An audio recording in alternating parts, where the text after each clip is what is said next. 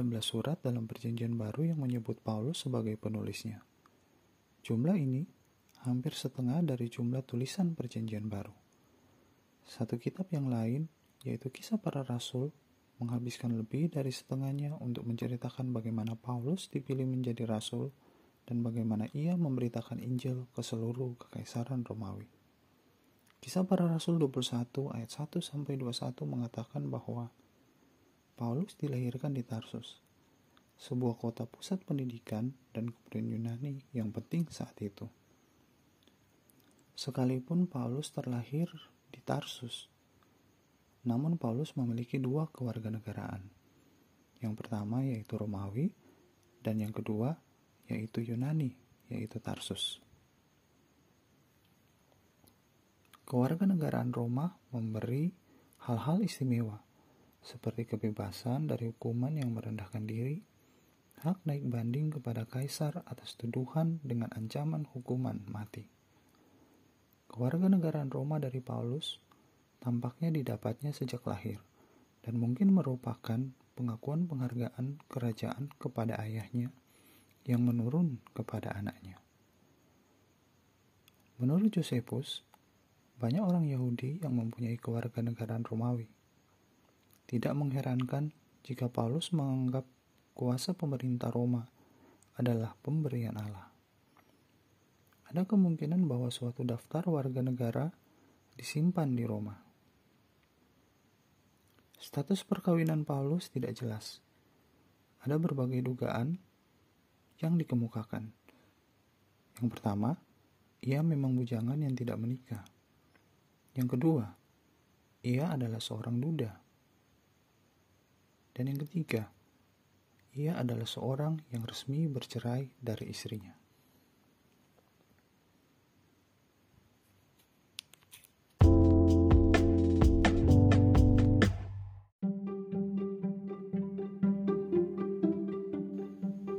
Sebagai orang Yahudi, Paulus juga belajar di Yerusalem dari seorang guru yang bernama Gamaliel.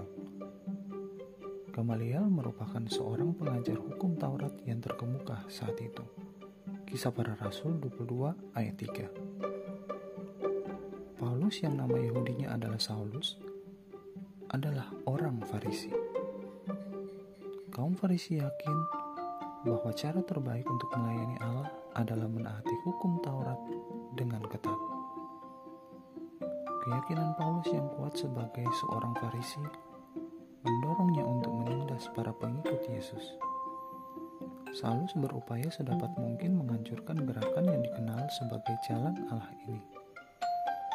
Namun, ia secara radikal berubah ketika Kristus yang bangkit menampakkan diri kepadanya dalam sebuah penglihatan dan memilihnya menjadi pengikutnya untuk memberitakan Injil kepada semua orang. Setelah tiga tahun berada di Damsyik, setelah bertemu dengan para pemimpin jemaat di Yerusalem, Paulus memberitakan Injil Kristus kepada orang-orang bukan Yahudi.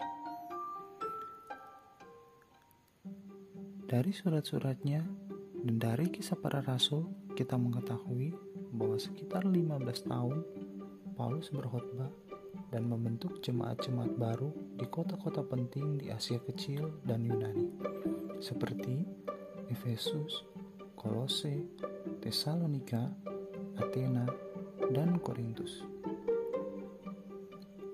Selama memberitakan dan mengajarkan Injil, ia berdebat dengan para filsuf dan bekerja sama dengan kelompok-kelompok Yahudi untuk menunjukkan kepada mereka bahwa Yesus adalah penggenapan harapan-harapan mereka.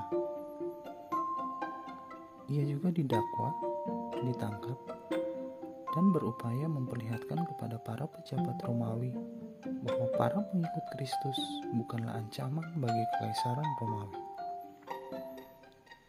Paulus percaya bahwa Yesus telah diutus untuk menaati Allah dan mati sebagai kurban bagi dosa manusia. Yesus mencari semua orang, baik orang Yahudi maupun bukan orang Yahudi, agar semuanya menjadi anggota umat Allah yang baru. Allah juga telah mengirim Roh Kudus untuk menuntun dan menguatkan para pengikut Yesus, sehingga mereka dapat melayani Allah dengan memberitakan Injil tentang Yesus dan dengan saling mengasihi. Menurut Paulus, roh melahirkan kasih, sukacita, dan damai. Demikian juga kemampuan untuk melakukan pekerjaan Allah dalam dunia. Paulus siap untuk mati sebagai saksi Kristus karena ia mengetahui bahwa Allah akan membangkitkannya dari kematian. Sementara itu, Paulus menantikan kedatangan Yesus kembali untuk mengubah tubuh kita yang hina ini sehingga serupa dengan tubuhnya yang mulia. Pada saat itu, Yesus akan mengalahkan dosa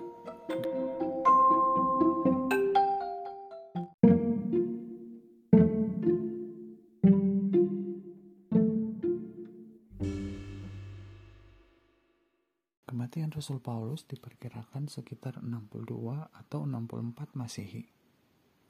Paulus didakwa hukuman mati atas tuduhan menciptakan kekacauan di seluruh kekuasaan kerajaan Romawi akibat memberitakan Injil.